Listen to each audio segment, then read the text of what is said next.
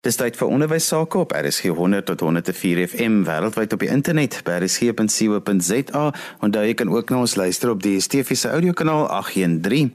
Ons gesels vandag hier op die einde van die jaar oor wat het gewerk hierdie jaar, wat was problematies, wat was die dinge waaroor ons moet nadink. My gaste is professor Michael Cordier en Jaco Deeken van Fetsas. Jaco, kom ons begin sommer by jou en ons begin heel eerste, wat was die dinge wat hierdie jaar op die onderwyskalender verkeerd gegaan het? Want ek dink die eerste skooldag het afgeskop met daai WhatsApp fotootjie van Swaizer Reneke en dit was 'n verkiesingsjaar en ek dink ons het almal toe nou gesien wat so politieke maaltyd dit toe nou geword het elke party wat ingespring het in hierdie proses te onderwyseres en die kindertjies vertrap het en chaos veroorsaak het en net toe daai storm so bietjie gaan lê het toe sak die brug by Driehoek in een en daai tragiese dood van die klomp kinders en net daarna was 'n tragiese ongeluk waarna klomp kinders in 'n minibus dood is op pad na die skool toe die oggend. En toe maak Gauteng se aanlyn toelatings oop en die stelsel sak in duie. En tussendeur was daar nasionale verkiesing gewees en dit is 'n jaar waar ons abnormale hoë vlakke van seksuele geweld en geweld in skole beleef het, beide na die leerders toe en na die opvoeders toe. En dit hierdie het alles baie visueel in die in die media en veral dan in die sosiale media ingespeel wat ek dink so 'n bietjie skadu gegooi het oor die harde werk wat ook in die klaskamers plaasgevind het, maar dit was 'n baie grafiese visuele jaar met geweldige klomp trauma aan skole. Michael en vir jou, wat was die uitdagings hierdie jaar? Wat is die dinge wat verkeerd geloop het van jou perspektief uit? Ja, Johan, eerstens dankie uh, vir die geleentheid en uh, ook ook goeiemiddag aan aan Jaco en dankie vir die diens wat FETSAS ook in ons skole doen. Aan die einde van 2019 weet sa 'n mens eintlik uit asem en jy is byna verbaas dat jy die jaar oorleef het. Ek dink ek het aan die begin van hierdie jaar 'n artikel geskrywe oor die geweld in skole. Nou hierdie goed wat Rian sopas genoem het, dit is ontstellend. Ek gaan dit nie herhaal nie. Maar wat my pla en dit het dwars deur die jaar plaasgevind. Jy het voortdurend gehoor dat daar is geweld in skole. Leerders word doodgesteek deur ander leerders of gedood geskiet of onderwysers is aangerand of een of ander vorm van geweld van onderwyser op kind kind op onderwyser of leerder of ander leerder. En die onveiligheid binne in ons skole en binne in ons klaskamers en mynsins sins die vernaamste olifant in die sitkamer wat verhoed dat daar ordentlike onderwys in ons land kan plaasvind en en dit skyn asof ons onderwysdepartement en ons die departement van die Suid-Afrikaanse polisie en al hierdie mense wat moet toesien dat kinders in 'n veilige omgewing kan skool gaan dat hulle dit heeltemal beheer verloor het. En as 'n kind nie veilig voel in in 'n klaskamer en nie kan daar geen effektiewe onderrig plaasvind nie So aan die einde van 2019 moet ons vir mekaar sê dit is nie veilig in ons skole nie. Kinders is nie op hulle gemak in die skole nie en as gevolg daarvan kan effektiewe leer nie plaasvind nie. Ek sou nog twee ander goed wou wil byvoeg en, en sê die basiese behoeftes van die meeste van kinders in hierdie land in die skool is steeds nie aangespreek nie. Daar steeds kinders wat moet gebruik maak van tot toilette daar is steeds 'n uh, oorvol klaskamers en daar is steeds kinders wat nie uh, boeke het om van te leer nie en daar is steeds onderwysers afwesig in klaskamer.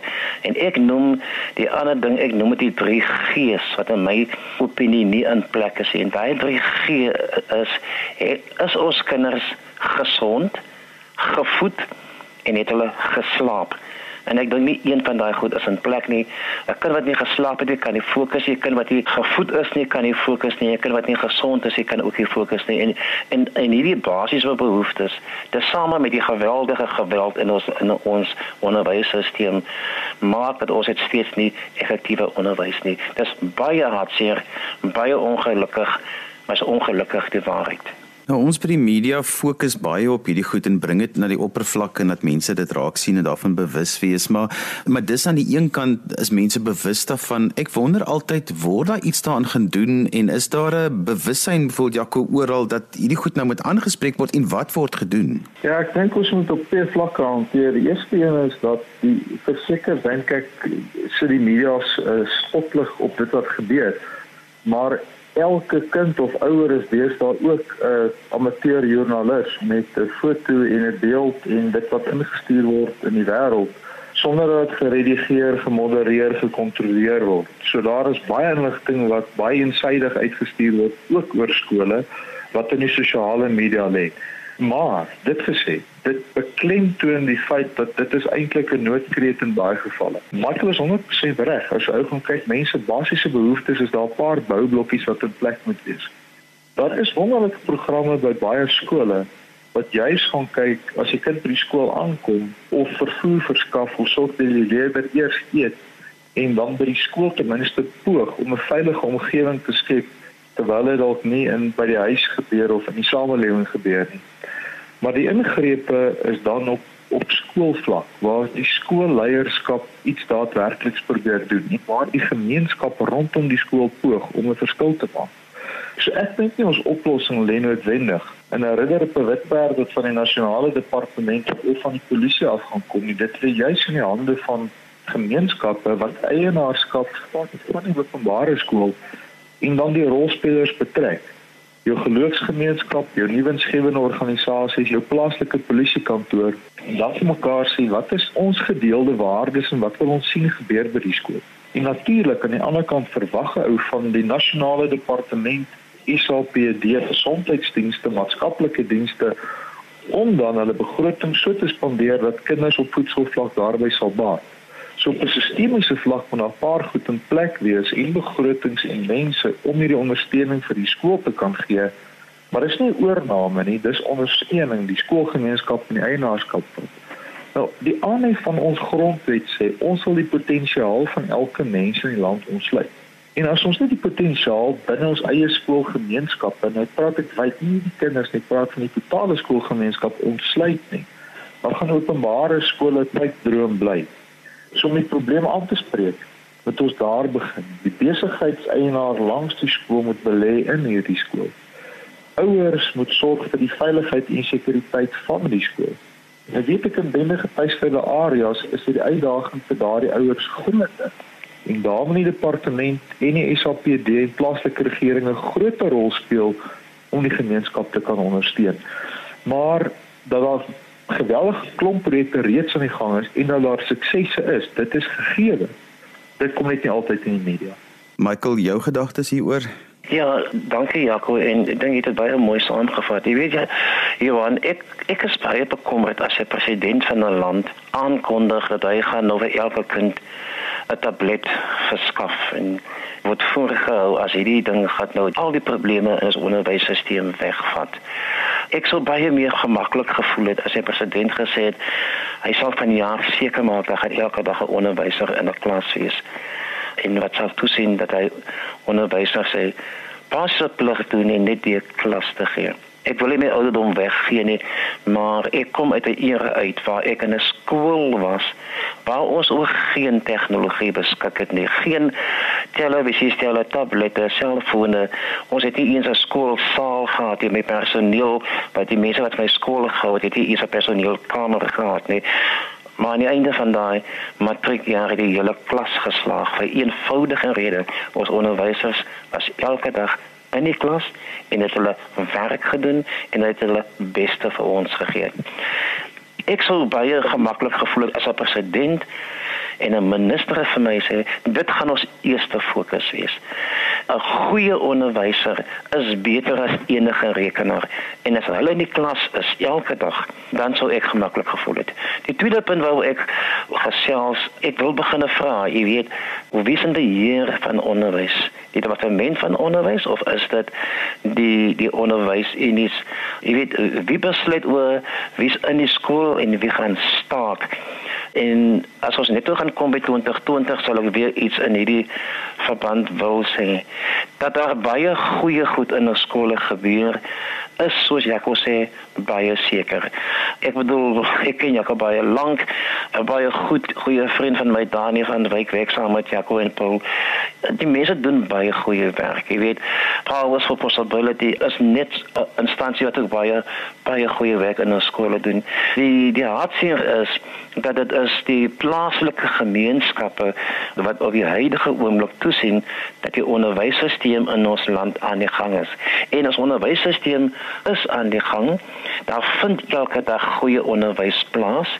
Ek wil so ver gaan as om te sê nie dank sy 'n onderwysdepartement nie, maar ten spyte van 'n onderwysdepartement wat nie sy basiese behoeftes van teenoor leerders nakom nie. En aan die einde van die dag moet ons begin krediet ook gee vir daai onderwyser wat elke dag opstaan, skool toe gaan, sy deel doen en niks terug daarvoor verwag nie. Dit is daardie kampioene in die klaskamer vir wie ons aan die einde van 2019 moet dankie sê en ons moet aan hulle die nodige erkenning gee. Vandag gesels ons oor die onderwysjaar wat verby is, maar ook die een wat voorlê. My gaste is professor Michael Cordier en Dr. Jaco Deeken. Ons gaan nou gesels oor die positiewe dinge wat vanjaar gebeur het in onderwys want ons het in die eerste gedeelte nou al die negatiewe dinge 'n bietjie bespreek. Jaco, kom ons begin by jou. Wat is die positiewe dinge hierdie jaar wat vir jou gebeur het op die onderwyskalender en net daarna gaan ons ook 'n bietjie gesels oor wat voorlê in volgende jaar. Ja, die uh, onderwysbegroting wat die minister elke jaar in die begin van die jaar aanbied, was vir my nogal 'n hoogtepunt geweest want vir die eerste keer is daar openhartig gepraat oor wat beteken decolonization. En een van die punte wat uitgekom het in die 12 werkskommissies is die klem terug op moedertaalonderrig en dat in meeste van hierdie kommissies gesê die beste manier om seker te maak dat ons die kurrikulum dekolonialiseer is dit om in die moedertaal van elke kind te doen. En 'n moedertaalonderrig nie net graad 1, 2 en 3 te maak nie, maar te poog om dit in die volgende paar jaar moontlik te maak vir leerders om dit tot in graad 12 moedertaalonderrig te ontvang. En waar parallel medium skole onder geweldige druk in die land is en in 'n minderheid is, beteken dit skielik dat dit word 'n opsie waar ons leerders in van verskillende taalgroepe op 'n baie meer sosiale, kulturele sportvlak aan mekaar gaan blootstel vir daai samehorigheid. In plaas daarvan om te sê almal van julle gaan nou net in Engels onderrig ontvang om dieselfde klaskamer te kan sit. En dit was my baie positiewe ontwikkeling. Die tweede positiewe ontwikkeling is die ontwaking van wat sien ons wat gebeur internasionaal wat die benutting en effektiewe gebruik van tegnologie beteken en om 'n fokus daarop te plaas. Nou, Michael is 100% reg, 100% reg. Om 'n klomp tablette by skole af te laai is nie die oplossing nie, maar om te besef ons is besig om te leef in 'n industriële revolusie in 'n mark waar die kinders moet gaan werk waarvoor ons moet begin gereed maak. Wat is daai tipiese vaardighede wat die leerders gaan nodig hê om 'n verskil in die land te gaan maak? En dis 'n gesprek wat vorige rond is nie plaasgevind het nie. Die derde aspek wat my hierdie jaar opgewonde gemaak het, is waar suksesvolle skole se storie is ons het eienaarskap gevind. Ons het nie vir iemand anders gewag nie. Dat die wonderlikste goed het in daai skole gebeur selfs met die moeilikste finansiële sosio-ekonomiese omstandighede waar mense besef het hierdie kindertjies as net een manier om ons hulle lewens gaan verbeter dis deur kwaliteit onderrig. Kom ons maak die skool die veilige plek kom ons maak die skool die eiland van hoop waar ons 'n voedingsprojek gaan hê nie net vir die kinders maar vir die ouers waar ons vanaf die skool gaan uitreik in die gemeenskap en op so 'n manier trek uit die gemeenskap in.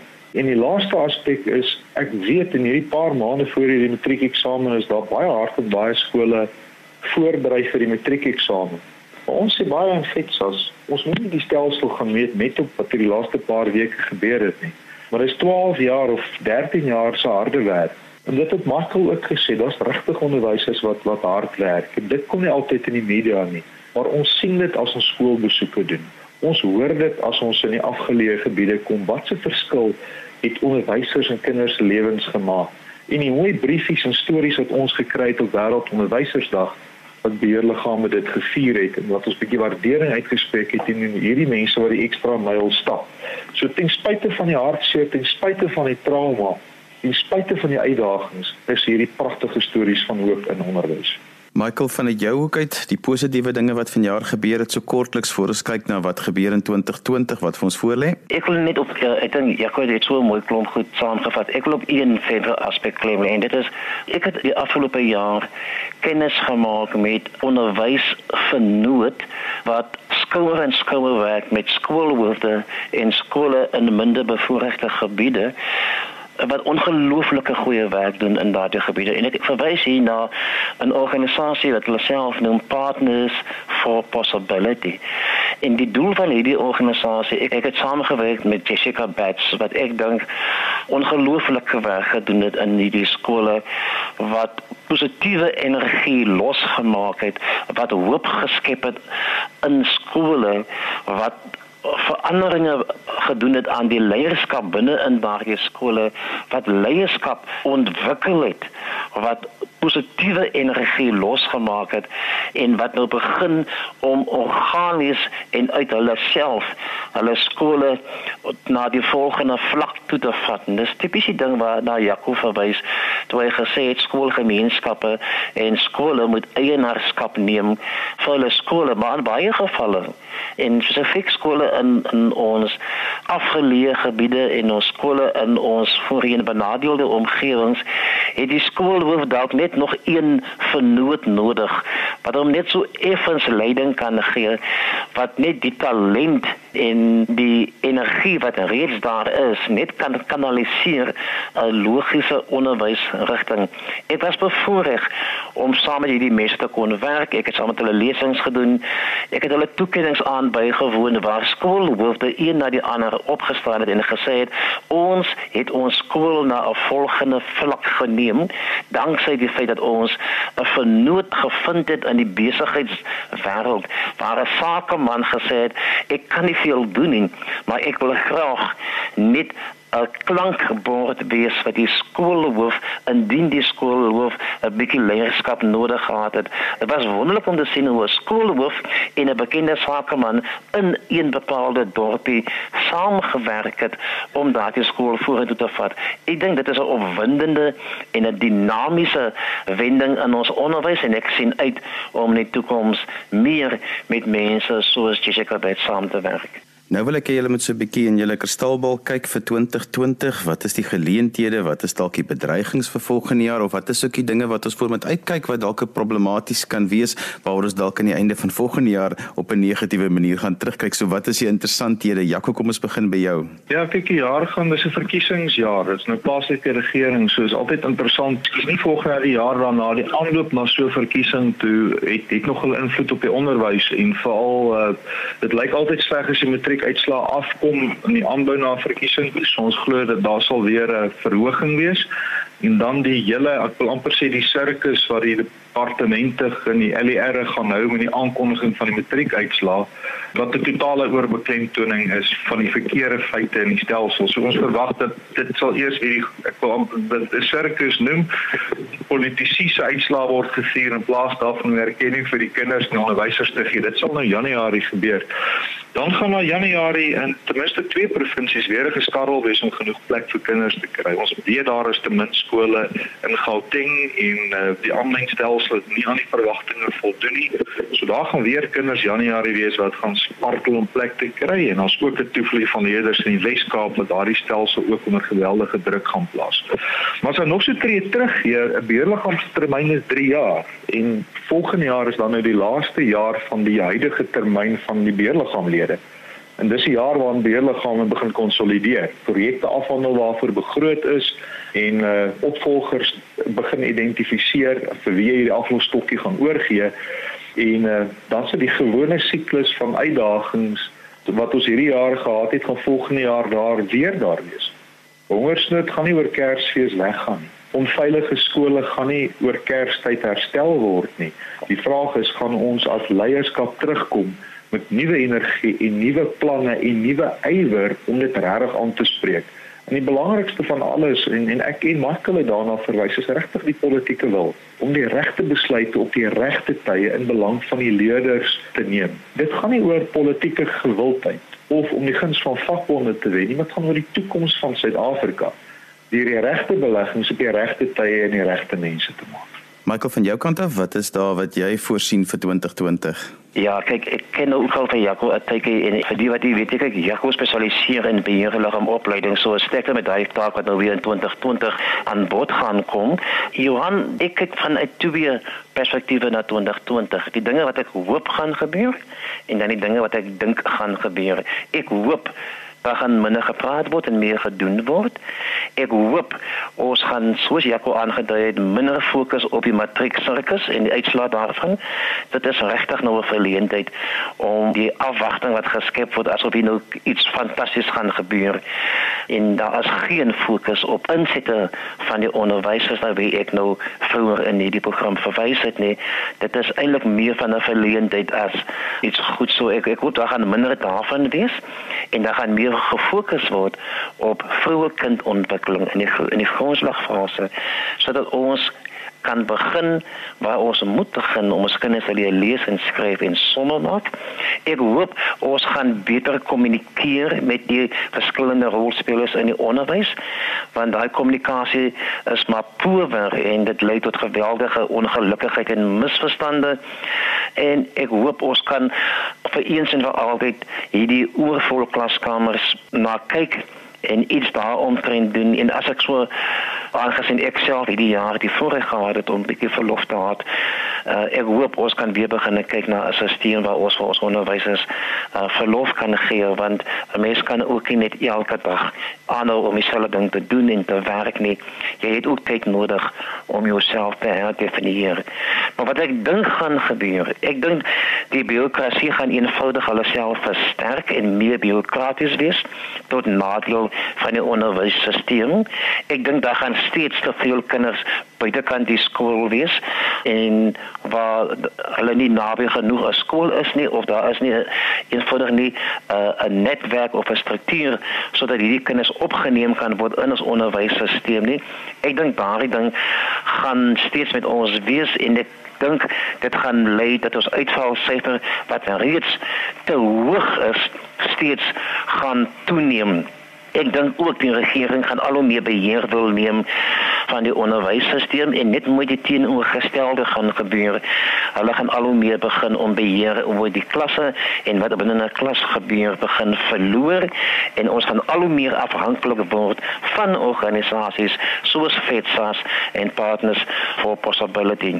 Maar om alles saam te vat, kom ons hoop en kom ons vertrou dat die mense wat werklik waar onderwys op ter wille is, dat hulle sal besef dat ons moet ons skole uit hierdie negativiteit uit oplig ons moet vir ons vennote soek. Ek verseker sê daar is mense daar buitekant wat wil hande vat met 'n goeie skoolhoof, met 'n geskoolgemeenskap wat hulle self wil ophef en ek dink dis die pad wat ons sal moet loop in die toekoms. En daarmee sluit ons dan 2019 se onderwysjaar af. My gaste vandag was professor Michael Cordier en Jaco Deeken van FETSAS.